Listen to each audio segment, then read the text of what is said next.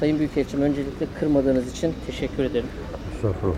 Şimdi bu Lozan ve Paris Anlaşması'nın geçersiz olduğunu, bunun da Türkiye'nin revizyonist politikalar olduğunu iddia ediyor Yunanistan. Bu Yunanistan'ın Türkiye'nin eylemlerine, genişleme eylemlerine karşılık verdiğini, buna istinaden adaları silahlandırdığını iddia ediyor. İşte bunun gerekçesi olarak da Montreux'u gösteriyor. Boğazların silahlandırma hakkı diyor ki bana da adaları silahlandırma hakkı vermiştir. Şimdi Yunanistan'ın bu yaklaşımı ne kadar doğru, e, bu ne kadar yanlış sizden dinleyelim. Efendim e, Ege'deki coğrafi formasyonların hukuki statüsüyle ilgili bir anlaşmazlık var ortada. Bu anlaşmazlığın temeline çok özetle daha işin başında hemen e, nereye gidebileceğini göstermek bakımından hemen söylemek istiyorum. Bunun konusu esas itibariyle Lozan ve Paris anlaşmalarının yorumuyla ilgilidir. Neden? Çünkü bu anlaşmalar bazı ada adacıklarla ilgili ismen çözümü getirmiştir. Yunanistan'a verildi, şu Türkiye'ye kaldı vesaire. Ama bir kısmı ile ilgili olarak da ve diğerleri diyerek mesela uzatmak suretiyle e, bunları muğlak bırakmıştır. İşin bir tarafı budur. Ama diğer bir tarafı da var bu yorumla ilgili. Muğlak bırakılan yerlerde Osmanlı hakimiyetinin halef olarak Türkiye yönünden devam ettirilmesini sağlaması gereken karar alınması lazım. Ama Yunanistan sanki bu anlaşmalarla başından itibaren topyekun burada ne kadar ada adacık ne varsa bunların tamamı ile ilgili kendine geçmiş olan hak ve hukuk bulunduğu inancıyla yola çıkıp bu e, müzakereyi sürdürmektedir. Şimdi dolayısıyla evvela tespit edilmesi gereken şey Lozan ve Paris anlaşmalarının yorumu nedir ona bakmamız lazım. İkinci bir e, söylediğim bağlamda tabiatıyla bu yorumun aldığı yön itibariyle düşünüldüğünde burada bir de adacık ve kayalıkların aidiyeti ile ilgili de otomatik olarak bir uyuşmazlığı beraberinde getirmektedir. Bu konuyla ilgili olarak da tarafların bir e, anlaşmaya varabilme şans ve ihtimalleri bugünkü koşullarda mevcut değildir. Öyle gözükmektedir. Bu durum aynı zamanda diğer sorun alanlarına da etki yapmaktadır. Şimdi burada Ege'den bahsediyoruz. Ege neresidir diye baktığınız zaman da esas itibariyle Rodos, Girit arasında öyle diyelim adalar var. Bunlar Çuha, Kitira dediğimiz Antik Kitira, Girit, Çoban, Kasos bu aynı zamanda. Kerpe, Karpatos, Rodos adaları. Bu bir zincir adalardır. Bunun güneyi Akdeniz'dir, kuzeyi Ege'dir. Yani başka bir deyişle Ege aslında Akdeniz'in bir uzantısıdır. Fakat kendisi içinde de özel statüsü olan bir deniz olaraktan kabul edilir. 214 bin kilometre karelik bir alanı temsil ediyor. Ege dediğimiz. Bunu Akdeniz'in kuzeye doğru uzantısı diye de görmek mümkün. Türkiye itibariyle baktığınız zaman kuzey-güney istikametindeki uzunluğu Ege'nin 660 kilometre, doğu-batı istikametindeki genişliği kuzeyde 270 kilometre, orta bölgede 150 kilometre, güneyde ise 400 kilometre civarında. Ege'nin Türkiye yönünden baktığımız zaman Dalaman çayı sınırdır. Yani nasıl biraz evvel Rodos, Girit üzerinde bir hat çekerek onun kuzeyi Ege'dir diye tanımladık. Türkiye yönünden de bunun uzantısı olarak baktığınız zaman Dalaman çayıdır. Dolayısıyla bizim burada ihtilaf konusu olarak ortaya koyduğumuz bölge 214 bin kilometre kare içinde bu saymış olduğum uzunlukları ile birlikte bu bölgedir. İkinci burada söylemek istediğim şey şu. Yunanistan bir adalar devleti midir? Hani kendi iddia ettiği gibi. Çünkü Uluslararası Deniz Hukuku Sözleşmesi kapsamında ben bir adalar devletiyim. Dolayısıyla adaların aidiyeti ve bu bağlamda bunların hukuki sonuçlarına sahip olan bir ülkeyim iddiasıyla ortaya çıkar. Yunanistan kendini adeta böyle bir ada ülkesi olaraktan tanımlar. Bu yanlıştır. %83 ana karadır. Sadece %17'si adalardan ibarettir. Şimdi burada adaların sayısı olarak da toplam sayı 3000'den fazla ada var burada deniyor. Ada değil bunlar tabiatıyla. Ada, adacık, küçüğüyle, büyüğüyle de yani çok değişik boyutlarda. Bazısı sadece bir kaya biçiminde. Kaya da olabilir her şey. 3000'in üzerinde burada e, ada, adacık vesaire bunlar var. Ve bu kapsam içinde baktığınız zaman 2383 tanesi Yunanistan'ın hakimiyetinde gözükmektedir. 3000'in üzerinde var. 2383 tanesi Yunanistan'ın hakimiyetinde gözükmekte veya daha doğrusu Yunanistan bu 2383 tanenin kendine ait olduğunu iddia etmektedir.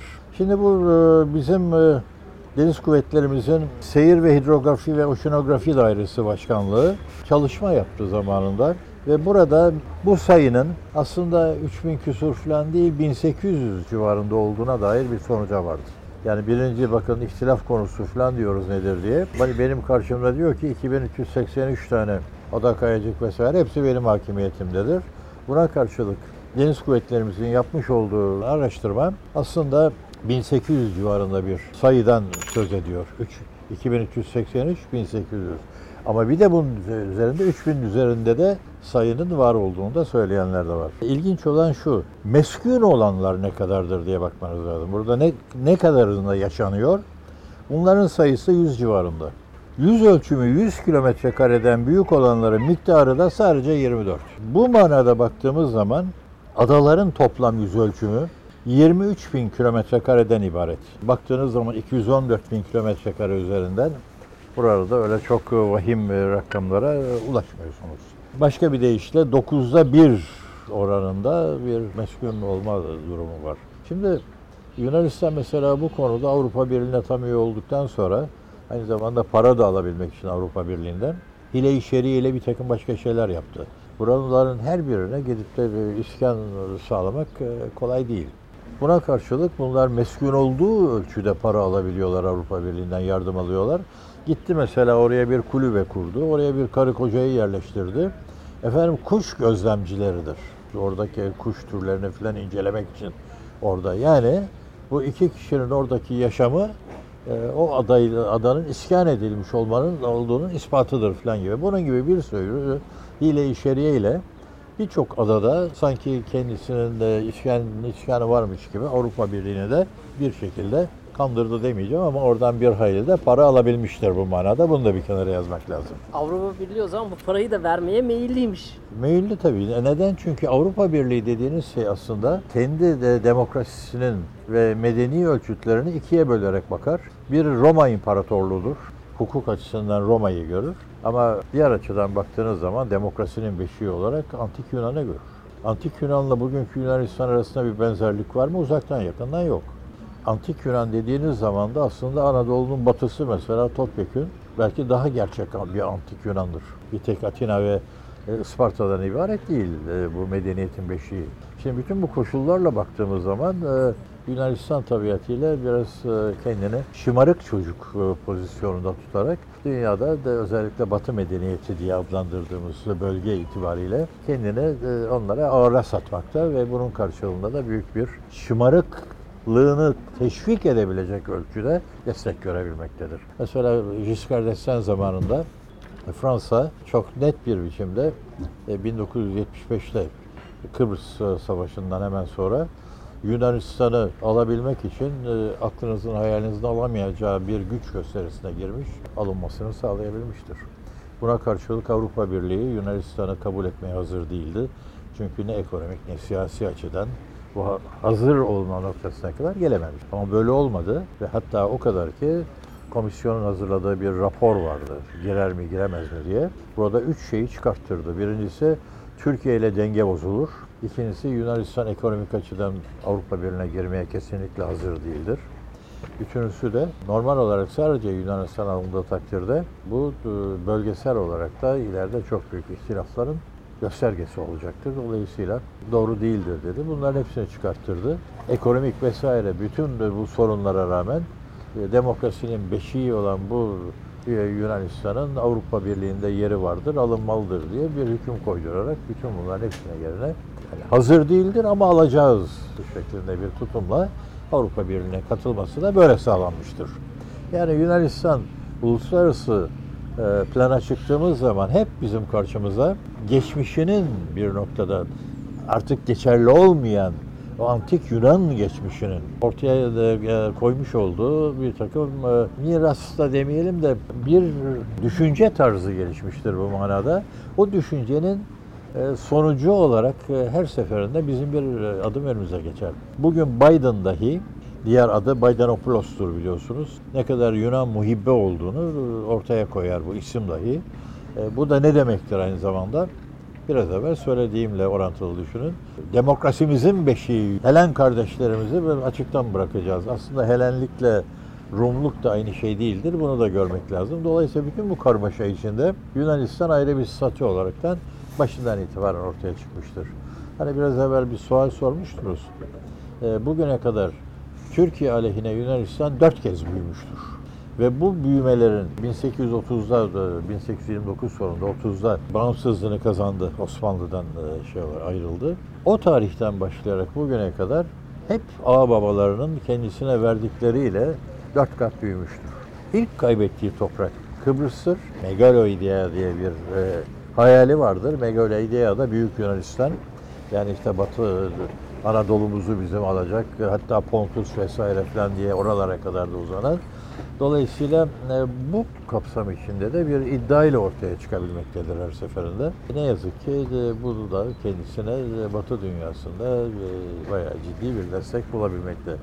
Türkiye niye e, aynı güçle karşılık veremiyor? Çünkü biz e, Osmanlı İmparatorluğu'nun e, varisiyiz. Osmanlı da e, esas itibariyle Avrupa'ya din savaşları da yaparak tabiatıyla e, Avusturya'ya kadar ilerlemiş gitmiş ve 19. yüzyıl e, sonuna kadar da oradaki mevcudiyetini sürdürebilmiş olan bir gücün adıdır. Roma İmparatorluğu ile birlikte Akdeniz'deki en büyük imparatorluktur. Dolayısıyla bir de kuyruk acısı vardır e, Batı'da, Avrupa'da bu ülkelerin. Onun için bakıldığı zaman Türkiye'ye karşı Yunanistan daima artı bir olaraktan ortaya çıkar. Osmanlı hakimiyetine girişi bunların aslında ilk defa biz 1455 yılında 1455 Rodos'u aldık. Rodos gitti sonra tekrar alındı vesaire. Ve Kanuni Sultan Süleyman 1538 o döneme kadar gider. 1538'den sonra da çok küçük bir iki ada dışında Ege'nin tamamı Osmanlı İmparatorluğu toprağı haline gelmiştir. 1538'de bu iş biter. Bu arada tabii bir sürü anlaşmalar da var arada. Mesela Pasarofça 21 Temmuz 1718'de Venedik'le yapılmıştır. Orada esas itibariyle son anlaşmamızı da bu şekilde yapıyoruz. Efendim Osmanlı İmparatorluğu'nun çöküşü aynı zamanda e, bu adalar sorununun ortaya çıkışıyla paralel gider. Bunun da ilk e, örneği İtalyanların Osmanlı İmparatorluğu'na Libya'da saldırmasıyla başlar. Başka bir ifadeyle e, normal şartlarda İtalya o günün 1871'de e, biliyorsunuz Almanya kuruldu.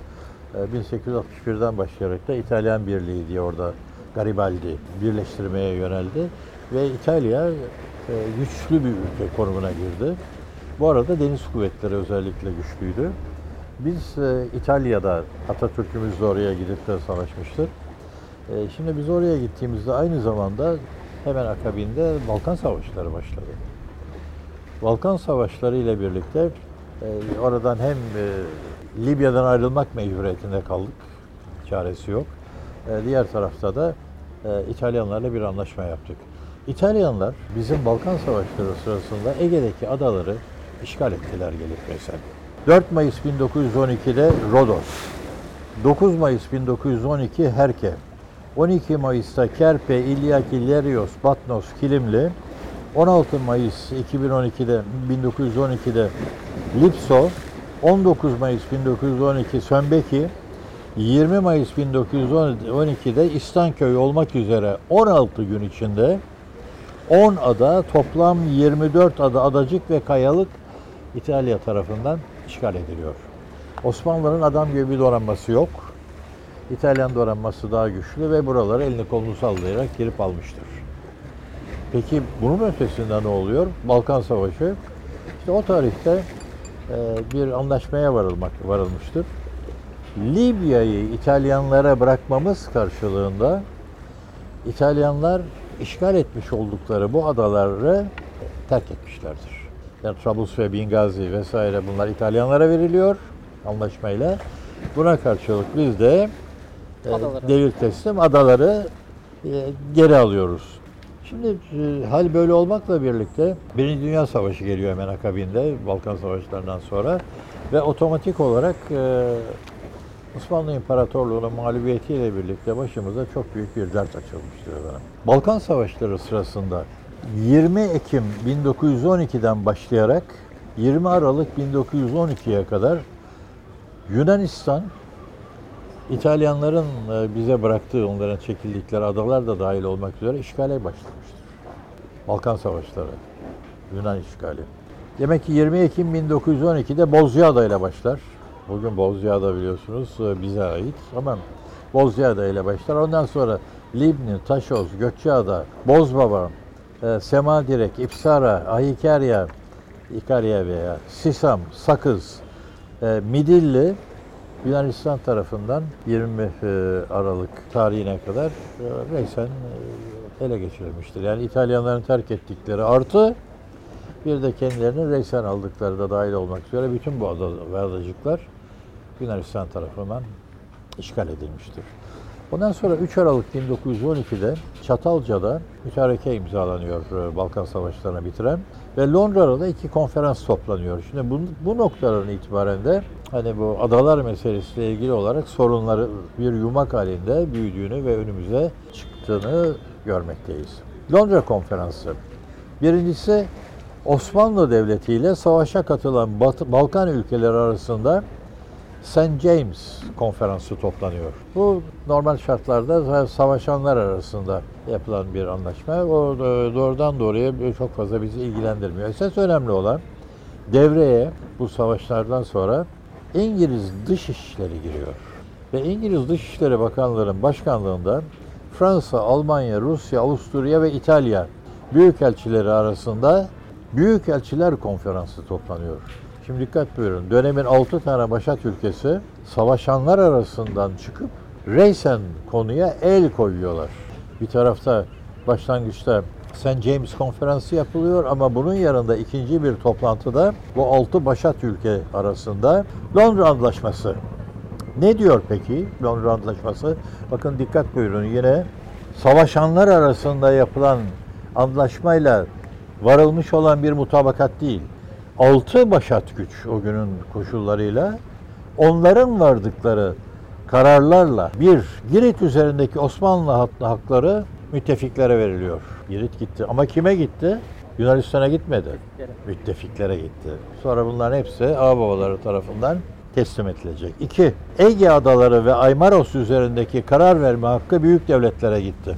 Bu koşullar altında bu altı büyük devlet, dönemin büyük devletleri, tekraren söyleyeyim İngiltere, Rusya, Fransa, Almanya, Avusturya ve İtalya bu kararını 13 Şubat 1914 günü Yunanistan'a 14 Şubat 1914 günü ise Osmanlı Devleti'ne tebliğ ediyor yazılı olarak. Kararımız budur, böyle olacaktır diye. Bu karar ne diyor? Onu da şimdi gene sırayla gidelim. Bozcaada, Gökçeada ve Meis adaları bize bırakılıyor. Yani Osmanlı Devleti'ne Bozcaada, Gökçeada ve Meis. Yunanistan işgali altındaki adalar silahlandırılmamak ve askeri amaçlarla kullanılmamak kayıt ve şartıyla Yunanistan'a veriliyor. Tekrar söylüyorum. Yunanistan işgali altındaki adalar silahlandırılmamak ve askeri amaçlarla kullanılmamak kayıt ve şartıyla Yunanistan'a veriliyor. Şimdi ilk böyle hüküm net bir biçimde başat güçler tarafından ortaya konulmuş oluyor. Osman. Bu, bu yoruma açık mı? Hiçbir açıklığı yok bunun. Anlaşma hükmü. Adamlar kendi aralarında toplanmışlar Londra'da. Bu toplantıda karar vermişler. O kararı da yazılı olarak not notayla hem Yunanistan'a hem Türkiye'ye, şey, Osmanlı Devleti'ne bildirmişler.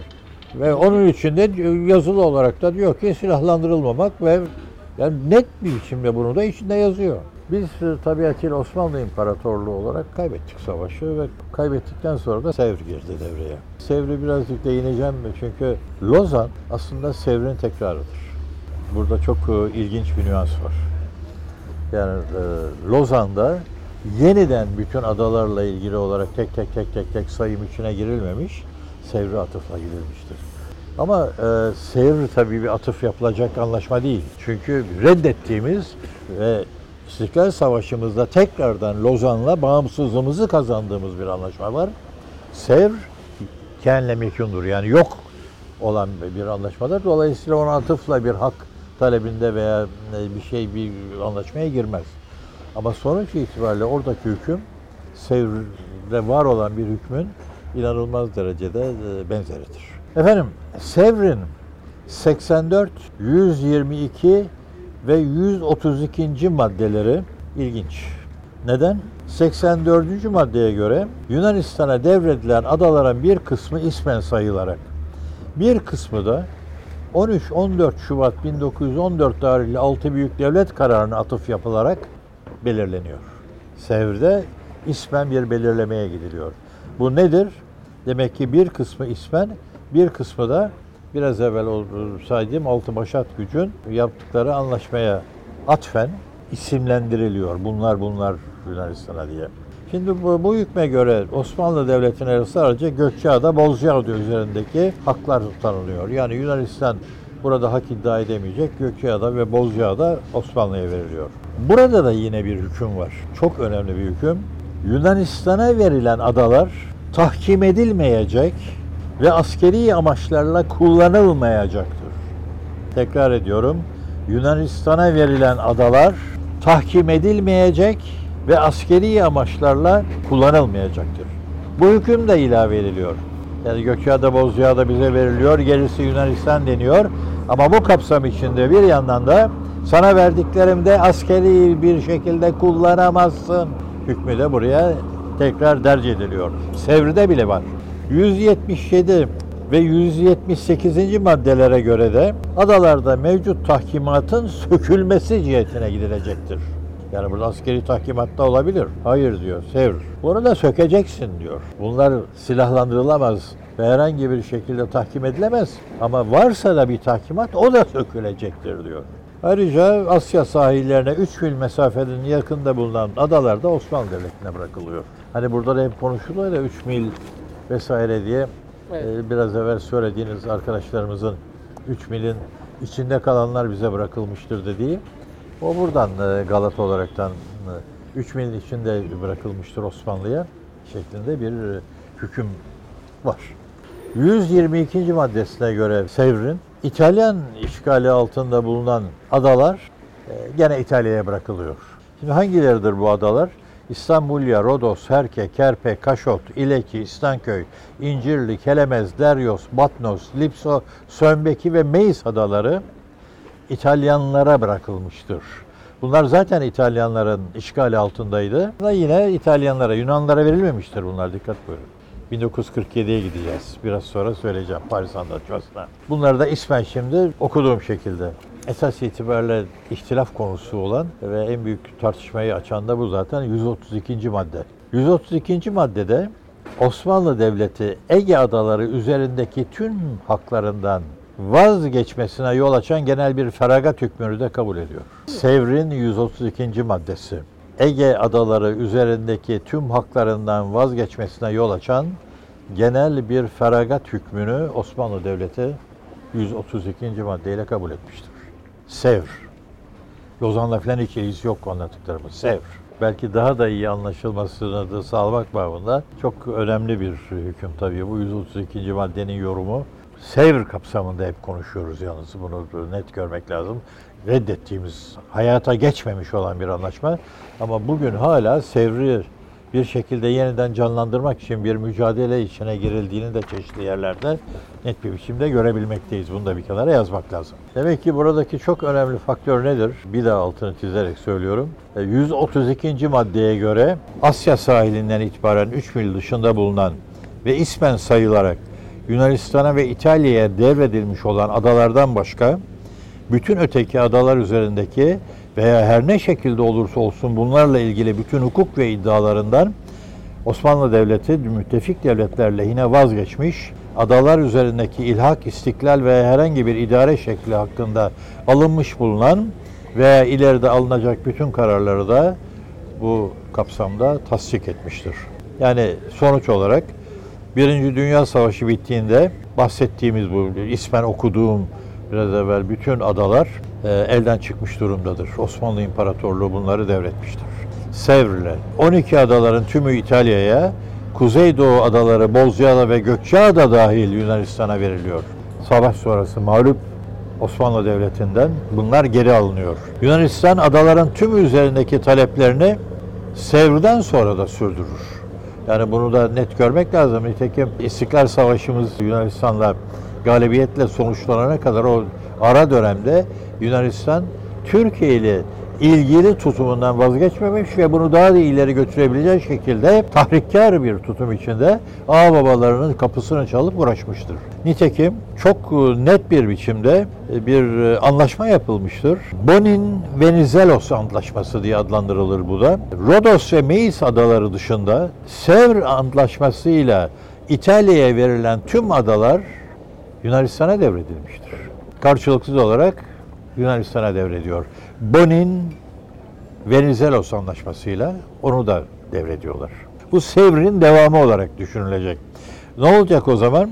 Yani Bon, Venizelos anlaşmasının hiçbir kıymeti yok. Diğerinin de olmadığı gibi. Çünkü Sevr Antlaşması yürürlüğe girdiği takdirde bu da geçerli olacak şeklinde bir hüküm var bu Bonin e, Venizelos Anlaşması'nda.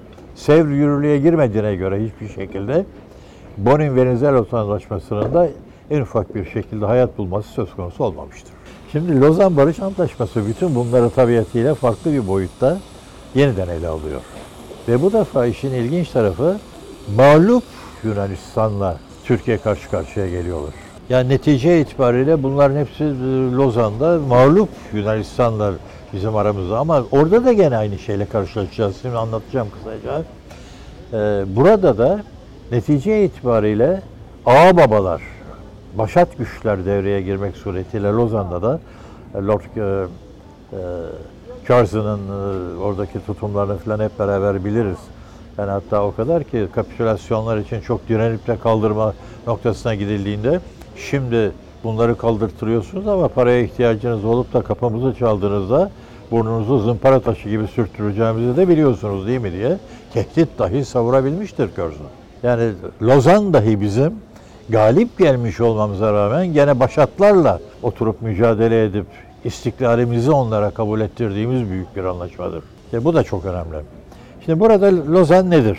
Efendim Lozan Barış Antlaşması'nın siyasal hükümler başlıklı birinci bölümünde topraklara ilişkin hükümler başlığı altında 6, 12, 15 ve 16. maddeler ile adı geçen adaları vermek yerine mevcut fiili durum onaylanmıştır. Çok önemli.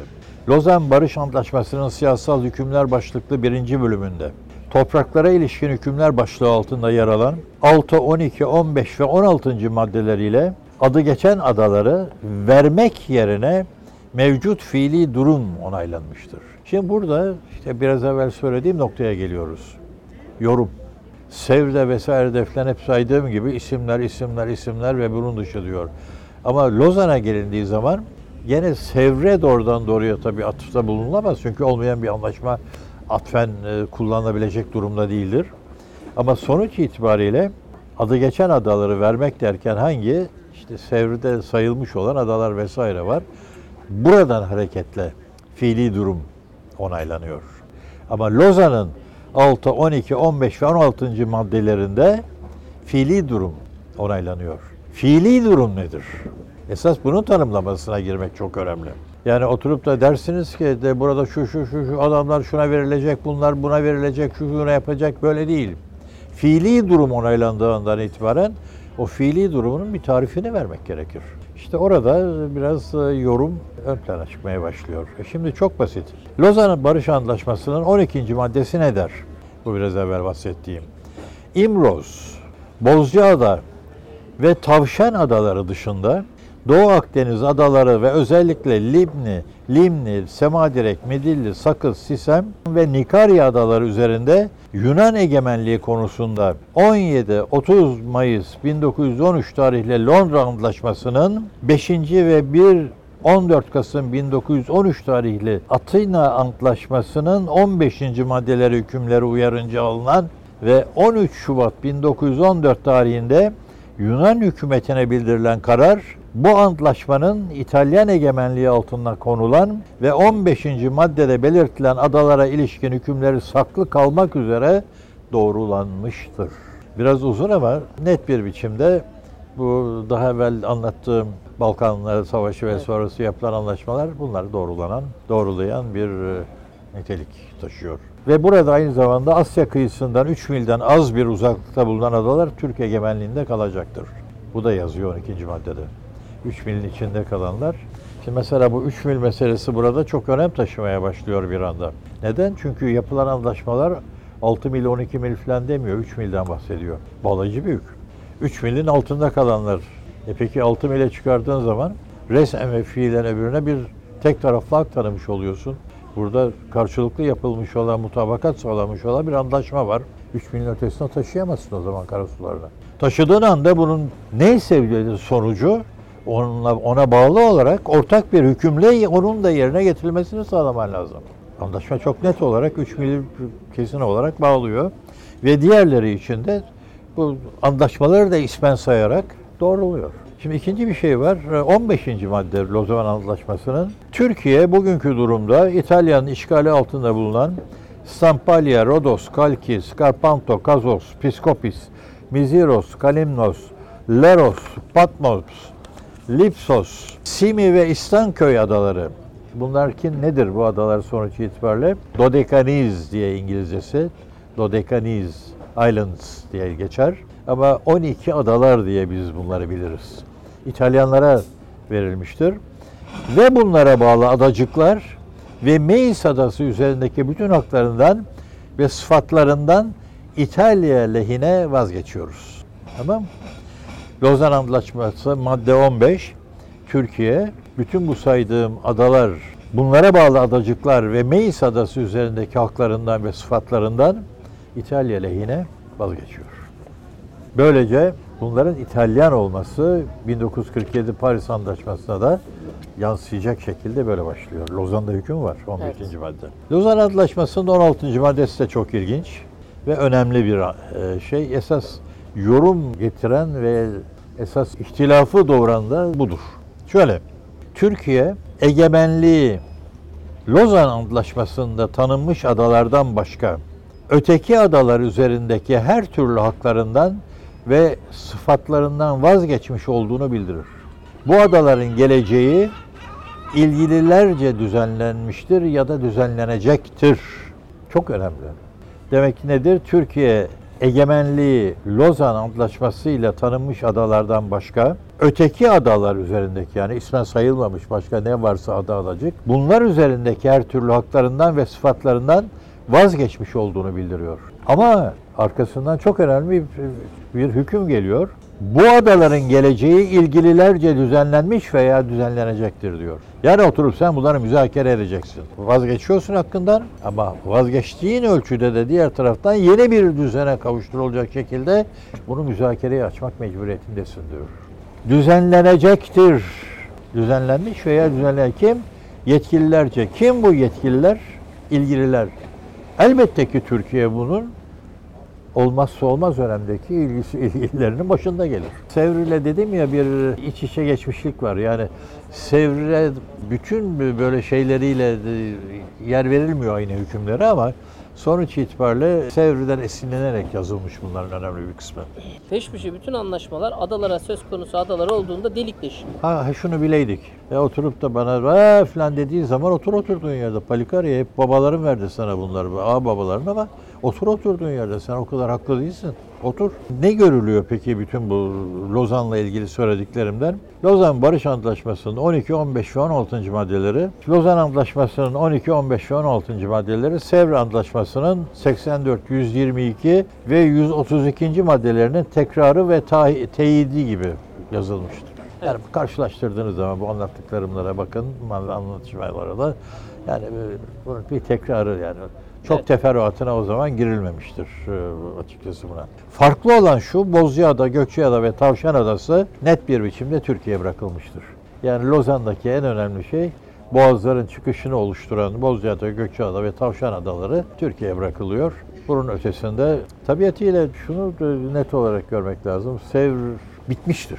Sevr diye bir şey yok. Oradaki bir hükmün başka bir şekilde çok ayrıntılı bir hüküm oradaki. Öyle bir hükmün ve bir benzerinin Lozan'a konulmuş olması e, Sevr'in geçerli olduğunu kesinlikle göstermez. Öyle bir şey yok. KNM yükü bitmiştir. Yoktur öyle bir şey.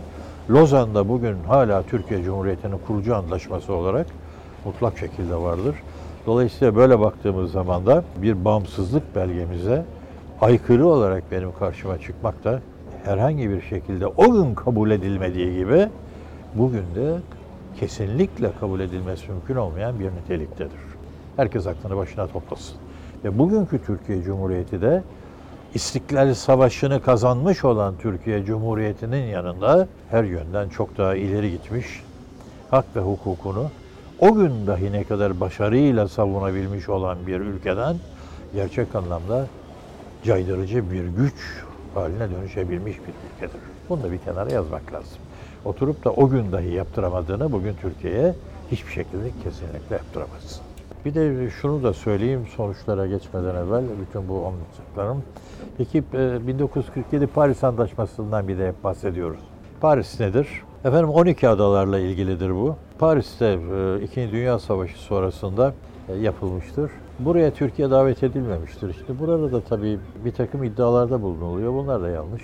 Efendim Türkiye niçin bu kendisini yakından ilgilendiren e, bu konuda anlaşma müzakerelerine katılmamıştır? Bu soru da soruluyor.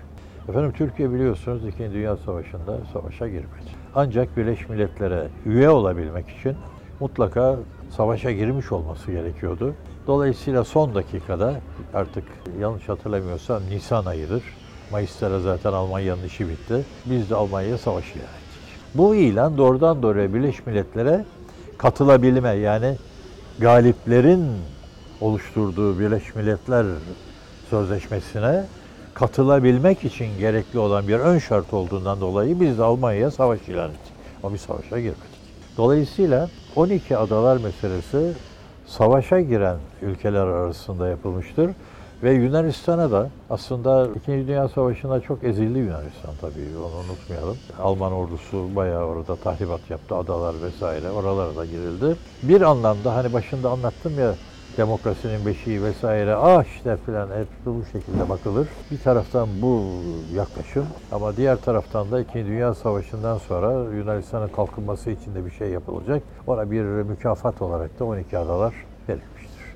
Yani hani diyorum ya dört katına kadar büyümüştür diye bu Megaloidea'dan da bahsettim başında. İlk toprak kaybı Yunanistan'ın Kıbrıs'tır efendim. Megaloidea'ya çok büyük bir darbe oluşturur. Onun için hazmedememiştir ve Kıbrıs'ta bir bütün halinde oradaki Türk toplumunu yok etme noktasına gelirken müdahalemizle ters yüz gitmiştir ve bugüne kadar da gelinmiştir. Ama bunu hazmedememiş bir Yunanistan çok yönlü olarak 1964'ten başlayarak 64 biliyorsunuz Kıbrıs meselesinde de kritik bir şey. Johnson mektubu falan Türkiye hep aynı tarihte Kıbrıs'a çıkarmamızın önüne geçilmiş.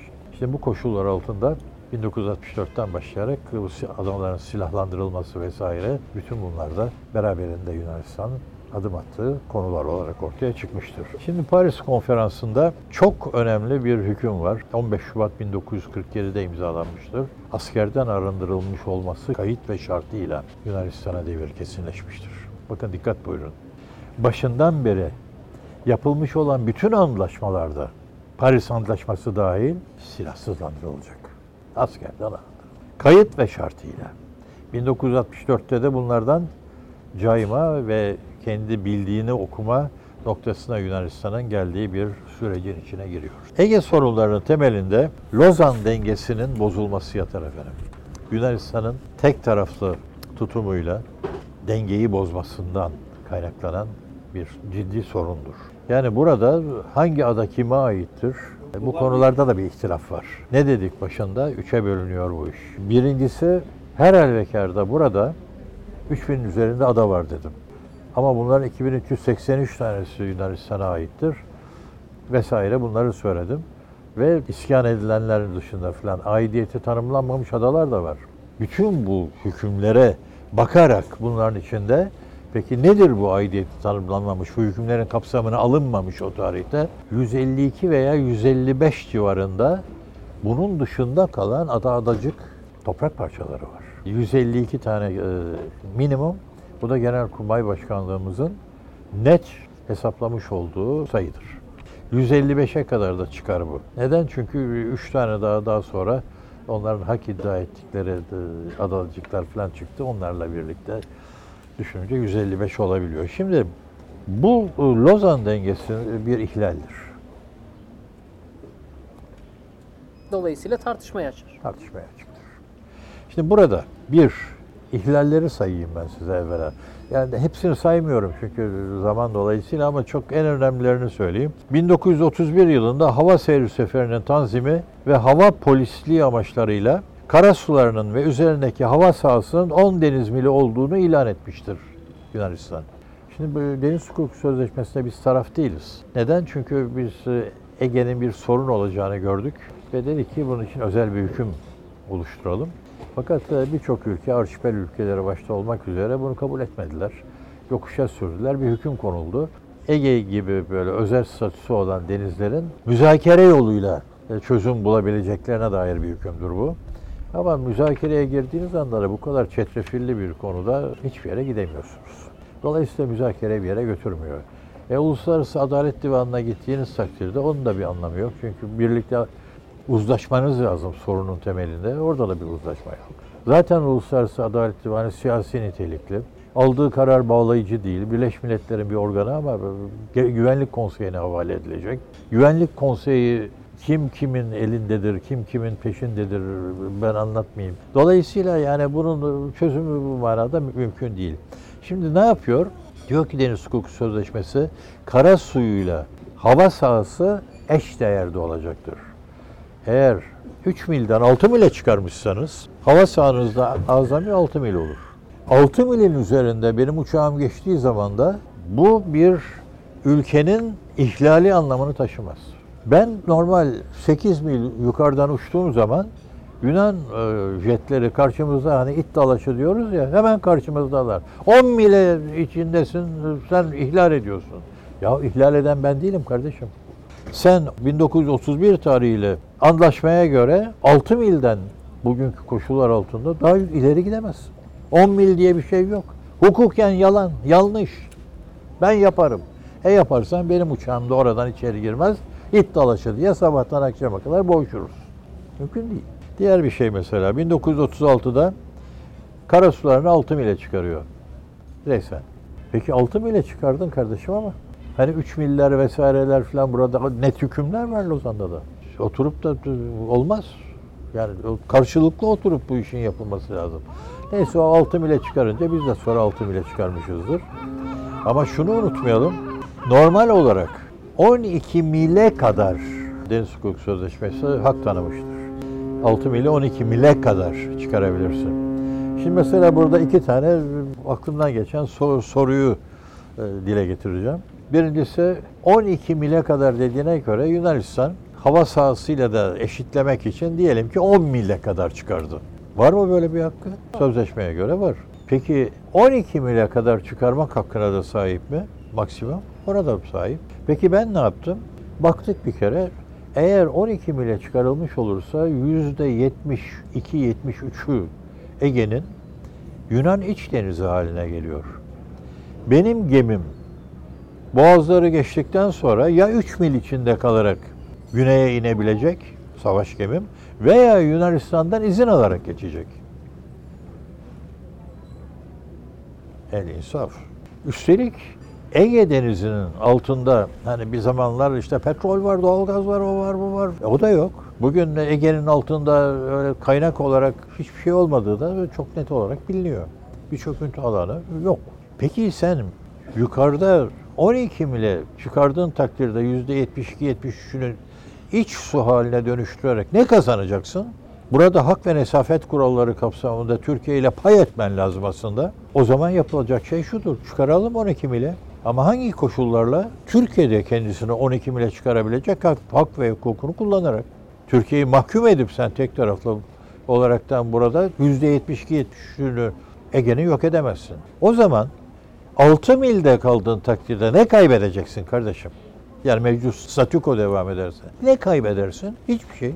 Bu o zaman Türkiye'ye açık bir düşmanlıktır. Ama burada çok da e, önemli başka bir şey var. Diyor ki adaların 12 mile kadar deniz sınırlarına ve ayrıca 200 mile kadar uzanan kıta sahanlığı hakkına sahiptir. İşte basit bir örnek vereceğim. Ben ne kadar saçma ve ne kadar dehşet verici bir aymazlık olduğunu göstermek için. Kelimeyi bilerek kullanıyorum. Yani herhalde aklını yitirmiş vaziyette Yunanistan. Hem bu yaptıklarıyla hem de Türkiye ile adeta bir savaş e, tamtamları çalmasıyla e, aklını yitirmiş olması lazım. Mesela Meis Adası dediğimiz şey 2 mil mesafededir bizim e, sınırımıza ve e, yüzerek dahi rahatlıkla gidebilirsiniz. Deniz hukuku sözleşmesi bana hak tanıyor deyip münasır ekonomik bölge ve kıta sahanlığı ile ilgili olarak Yunanistan e, yapmış olduğu anlaşmalar vardı ve anlaşmalar hepsi şu anda hiçbirinin uygulanması mümkün değil. Bunu İsrail, Mısır, e, Güney Kıbrıs ve Yunanistan e, yapmıştı. Meis Adası sadece 400 kişinin yaşadığı ve 10 kilometre karelik e, ufacık bir yer. Ve bizim sırtımızdan geçinir devamlı. 40 bin kilometre karelik, 40 bin kilometre karelik kıta sahanlığına sahiptir. Ve bu arada tam burada körfezin ağzında bulunduğu için bizim körfezdeki bütün haklarımızı da keenlem yekün, onları yok farz edecek şekilde hareket etmek suretiyle bize hiçbir hak da tanımaz. Yani koca Türkiye, Akdeniz'deki Türkiye sahilinin yanında bir Meis adası 40 bin kilometre kare ile Antalya'yı olduğu gibi Kaş'ı yok farz ederek kendisine hak sahibi kılmaya çalışmaktadır. Yahu buna kargalar bile kahkahayla güler. Böyle bir şey olamaz. Amacı Türkiye'yi tahrik edecek, orada kendi bildiğini yapacak. Türkiye'de bunun cevabını Doğu Akdeniz'de de her yerde de kendi caydırıcı gücünü de kullanmak suretiyle e, kolaysa gel yap deyip kendi hakkını savunmuştur. Ve bu manada da bizim mavi vatan dediğimiz olay baştan aşağı bizim hudutlarımızın da o biraz evvel söylediğim hani e, Ege'de de aynı şekilde orta hayattan bölmesi 12 mil olabilir hiç ama Türkiye'nin de burada haklarının kabulü vesaire bunları dikkate alarak çizilen sınırları ifade eder. Ve Yunanistan'ın burada bir Meis adası dolayısıyla 40 bin kilometre karelik bir hak iddia etmesi kargaların bile güleceği bir saçmalığın adıdır. O zaman ne olacak? 1964 yılından başlayarak demek ki ne oldu? Silahlanma başladı. Asker yığılması vesaire. Mesela 1995'te Kardak krizi çıktı. Kardak krizinden sonra da e, anlaşmalarla devredilmemiş 150-255 kara parçası var. Yani adacık var, ada var vesaire. Bunları da iskan etmeye başladı. Yani topyekün Türkiye'ye karşı e, bir e, harekat içine girmiş bulunmakta. Şimdi hal böyle olunca Yunanistan adeta Türkiye'yi hem hukuken gasp ederek haklarını hem de diğer taraftan Türkiye'yi devamlı tahrik ederek arkasına da devamlı ağ babalarını alarak köşeye sıkıştırma politikası içine girmek girmiş oluyor ve bugüne kadar da bunu sürdürüyor. Bugünkü koşullarda da onun arkasında Amerika Birleşik Devletleri ve Fransa'yı görüyoruz. En son yaptıkları bir anlaşma var biliyorsunuz her ikisinin de. Diyor ki Yunanistan saldırıya uğradığı takdirde bu her iki ülkede Yunanistan'ın yardımına gidecektir. Net olalım. Rusya mı saldıracak? Komik olmayalım. Rusya herhalde Yunanistan'a. Peki Arnavutluk falan mı saldıracak? Ege'de değil ki zaten. Üstelik de niye yapsın? Yani başka bir ifadeyle bu ülkeler de Yunanistan'a bir piyon gibi kullanmak suretiyle Türkiye'yi tahrik etmeye, Türkiye bir cevap verirsin. Bu cevapla birlikte Türkiye'nin üzerine gelerek onu daha çok köşeye sıkıştırmaya yönelik dış politika uygulamaya çalışmaktadırlar. Şimdi buradan şöyle tamamlayayım e, evvela. Burada şöyle de diyebilir miyiz? Bu Yunanistan'ın Fransa ve Amerika ile yaptığı savunma anlaşması e, aynı zamanda yani bu Türkiye'yi hem Akdeniz'de hem de Ege'de e, bir şekilde itebildiğimiz kadar içeriye doğru itelim. Hareket kabiliyetini kısıtlayalım amacı taşıyor zaman. Kesinlikle. Peki biz bu velev ki dediniz ya yorumlara açıktır bu maddeler, evet. bu anlaşmalar. Yorum olmasa bile bu kadar ada işgaline karşı bunlar yoruma açık olmasa bile Türkiye bu kadar ada işgaline karşı ben bu anlaşmaları yenilemek istiyorum deme hakkına sahip değil mi? Bun- Bundan biraz daha farklı Yunanistan'ın görüşü ve netice itibariyle çok ciddi şekilde de ihtilaflardan biri buradan başlıyor. Yunanistan görüşünü şimdi aynen okuyorum size. Lozan Barış Antlaşması'nın 12. maddesiyle Türkiye'nin egemen olduğu adalar ismen belirlenmiştir. Buna göre Türkiye'nin egemenliği sadece Bozcaada, Gökçeada ve Çavşan adaları ile Asya kıyılarına 3 milden yakın olan adalar üzerinde devam etmekte olup bunlarla sınırlıdır. Böylece Asya kıyılarında 3 milyon dışında kalan Ege'de mevcut tüm ada, adacık ve kayalıklara sahip çıkmakta, gerek karasuları, hava sahası, kıta sahanlığı ve gerekse münasır ekonomik alanının önemli ölçüde genişletmeyi amaçlamaktadır. Yunanistan bu hak ve hukuka sahip olarak Türkiye'ye karşıdır. Yunanistan görüşü bu. Diyor ki 3 milin içindekiler senin. Bir de o ismen 3 tane de verdiler ya sana onu da al git. Kendi yönünden yarattığı bir safsatadır. Böyle bir şey yoktur. Dolayısıyla bunun dışında olan hiçbir şeyi kabullenemem. Ve dolayısıyla uluslararası sözleşme, deniz hukuku sözleşmesi de bana hangi hak ve hukuku tanıyorsa onu da ben sonuna kadar ve aynen yürürlüğe sokmakta da bir beis görmem. Çünkü bu da uluslararası hukukun bana bahşettiği bir sonuçtur. Türkiye'de bu sonucu kabullenip kabullenmemesi bir anlam taşımaz. Zaten Türkiye'de uluslararası sözleşmeye taraf dahi değildir. İşte Yunan görüşü bu. Her şeyi unut. Sana verilen üç adayı al. Bir de üç milin içinde kalan ada adacıkları, kayalıkları da onları da kabullen. Bunun ötesinde güle güle git. E peki Kardak neydi diye sorarsanız üç bir. Hayır. Adaların kara suyu içinde kaldığı içindir ki Kardak. Ortaya at diyelim. Yok. İşte ondan sonra bir savaşa giderken yine Amerika Birleşik Devletleri devreye girip durdurmuştur. Peki Türkiye'nin görüşünü özetlersek bunun karşılığında o nedir?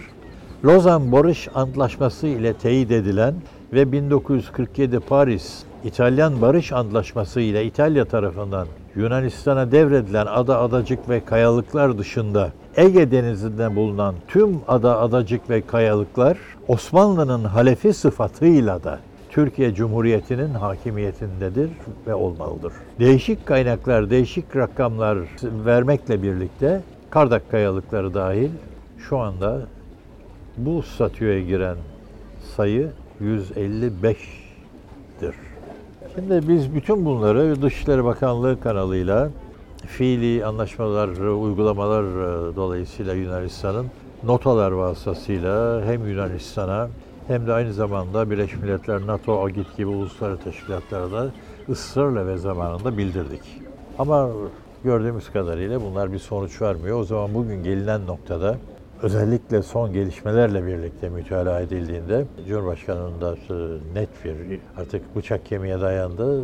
Haddinizi bilin. Bundan sonrası tehlikedir demek noktasına getirdi. Bunun da arkasında esas itibariyle Mitsotakis'in Altın Şafak oylarını da kazanabilmek için uyguladığı bir aşırı milliyetçi politika var. E, bu yanlışı yatar.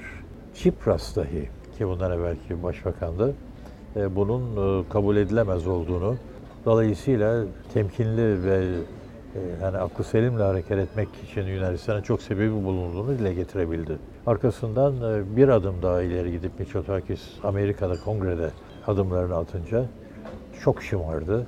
Onun üzerine biz de kalktık, e, çok sert bir açıklama yaptık. Bu açıklamalardan en önemlisi de adaların egemenliği konusunun da bundan böyle Türkiye tarafından gündeme taşınabileceği hususludur. Nitekim şu ana kadar sizinle paylaşmaya çalıştığım bütün bu bilgiler Yunan anlayışının topyekün savunulabilir olmadığını, birçok yoruma açık konunun bulunduğunu, yoruma açık olmayacak kadar net biçimde de en azından 155 adı adacık vesaire itibariyle bir durumun mevcut olduğunu, dolayısıyla bir bütün halinde burada oturup pek çok şeyin artık 21. yüzyıl koşullarında hak ve nesafet kuralları içinde yeniden oluşturulması zamanının geldiğine Türkiye dile getirmektedir. Şimdi buradaki olayı sadece buradaki adalar meselesi olarak değil, Doğu Akdeniz'e yayılmacı mesela, benim oradaki kıta sahanlığı haklarım vesaire vesaire, münasır ekonomik bölge, bölgeyle ilgili olarak haklarım. Meselenin bir boyutu bu. Yani buradaki sorun sadece bu ada sana mı ait, bana mı ait değil. Adaların kıta sahanlığı ve münasır ekonomik bölge ve 12 mil deniz hukuku kapsamında tanımış olan 12 mile kadar çıkarma hakkı bütün bunları bir bütün olarak düşünmek lazım. Yani bu, bu mesele sadece buradaki kara parçası sanadır, banadır. Ama bu kara parçaları netice itibariyle bu hakları da kullanabilecek şekilde ortaya çıkarsa Türkiye ölmüş demektir. Bunu yapamaz. Dolayısıyla meseleyi sadece dar kavram ve kapsamı içinde mütalaa ederek yola çıkarsanız buradan bir yere gidemezsiniz. Türkiye'nin bu Yunanistan'a e, Cumhurbaşkanı seviyesinde de, Milli Savunma Bakanlığı seviyesinde de, Dışişleri seviyesinde yaptığı çıkışların çok sert olduğu da ifade eden bir kesim de var. Türkiye burada gerçekten çok sert bir politika mı izliyor? Gereksiz bir sertlik mi bu? Yunanistan'a bakın. Niye Türkiye'den hemen şikayet ediyorsunuz? Yunanistan'ın yaptığı yüz mü? Birisi tahrik ve teşvik ediyor. Yani bu neye benzer biliyor musunuz? Ama teşvikte hata olmaz tabiatıyla. Muhammed Ali, Allah rahmet eylesin, diyelim ki size bir omuz attı. Siz sabahtan akşama kadar Muhammed Ali'ne devamlı ben seni gösteririm, ben seni öldürürüm, keserim, mahvederim diyebilir misiniz? Sabahtan akşama kadar teşvik ve tahrik edeceksin. Durmadan karşındakine. O da birden ee yetti be kardeşim dediği zaman ama sen de çok oluyorsun. Niye sinirlendin diyeceksin. Ben sinirlenmiyorum. Sen benim hakkımı gasp ederek, ağ babalarına güvenerek sonuç itibariyle beni, İstiklal Savaşı da bu değil midir? İngiltere'nin gönderdiği bir güzel dayak yedikleri ve akıllanmadıkları, arkasından Venezuela Atatürk'ümüze Nobel Barış Ödülü'nün adayı olaraktan da teklif edebilmiştir. İşin neydi gelip Anadolu'yu işgal etmeye kalkıp? Neydi işin? Kıbrıs'ta ne yapıyorsun? Gel anlaş bitir. Artık bundan sonra Kıbrıs'ta o iki devlet esasından geri dönüş kesinlikle mevcut değildir. Peki niye uğraşıyorsun? Çünkü ağa babalarını tahrik ve teşvik ederek Türkiye'yi sıkıştırmaya kalkıyor. İyi hoş da her şeyin bir haddi hududu var. Türkiye'de sonunda bu da benim hakkımdır kardeşim. Dediği andan itibaren ne olur? Savaşa mı gideceğiz? Türkiye'nin böyle bir niyeti yok. Olmuş olsaydı bugüne kadar çoktan savaş çıkardı. İki defa da savaşın eşiğinden döndük. Kardak krizi çıktığında mesela Amerika devreye girmemiş olsa Türk-Yunan savaşı çıkmıştı. Nedir kardak Allah rızası için? Bir kayalık. Neyin kavgasıydı bu? Hak etmediğin bir şeyi neyin afra tafrasıyla dolaşıyorsun ortada? Türkiye'nin yabana atılmayacak kadar da önemli ve güçlü bir ülke olduğunu da biraz düşün, düşünmek lazım. O zaman ne yapıyor? İşte arkasına Amerika ile Fransa'yı alıyor anlaşmalarla. Türkiye bir şey olursa onlar kendi şeyine güvenmesin çok fazla. Çünkü onlar adam satmakta birebirdir. İşte Biden en sonunda Ukrayna'ya toprağına ver, verip de kurtuluyor. Başında benim sözümü dinlemediğin için bu noktalara geldin diye, deyiverdi. Senin de başına çok kötü şeyler gelir. Nitekim en son yapılan tatbikat 11 bin asker katıldı. Neydi bunun adı? Adaya çıkarmaydı. Bunun bir anlamı yok mu? Bugün 11 tane Yunan adası var bizim sahilimizde. Bunlar işte İspen'de gördünüz. Bu adalar yüzme mesafesinde Türkiye'ye. Yani bir burada çatışma çıkmış olsa bu adalardaki senin tümen çıkarmış mesela Midilli'ye. Ne işe yarar? İki tane denizaltıyı koy oraya. Topçu bataryalarında yerleştir 40 mile, kilometreye kadar atış yapabilen bataryaları var. Hava kuvvetine bir ihtiyaç yok. Savunabilir misin? Mümkün değil. Yani o zaman mesela Dede Ağaç yukarıda yapıldı. Onun amaçlarından bir tanesi şimdi duvar örüyorlar bilmem ne yapıyorlar sınıra. E zaten orada bir savaş olmaz ki. O kadar dar bir bölgede 21. yüzyıldaki teknolojiyle bir savaş yapmak mümkün değil. Ama şimdi bir de bizim el önümüze Selanik'e girmeyelim. Ne olur? Dede ağacı geçe koyuyorlar. Dede ağaçtaki Amerikan üssü oraya gidince ben Amerika ile karşı karşıya kalacağım. Dert bu. Bir takım adalara Amerikalıları getiriyorlar. Hatta en sonunda Amerika buraya kadar her şey tamam ama bundan sonra daha fazlasını da istemiyorum. Yeter bana 9-10 tane dedi. Üs olarak. Yunanistan'a satacak neredeyse. O noktaya kadar geldi. Yani e, neresinden bakarsanız bakın Yunanistan'ın tutumu, e, Mitsotakis'in tutumu daha doğrusu öyle diyeyim, yanlıştır. Bu kadar tahrikkar olmasın. Sonunda bunun bedeli herkes için çok ağır oluyor. Savaş 21. yüzyılda işte görün Ukrayna'yı bir felakettir.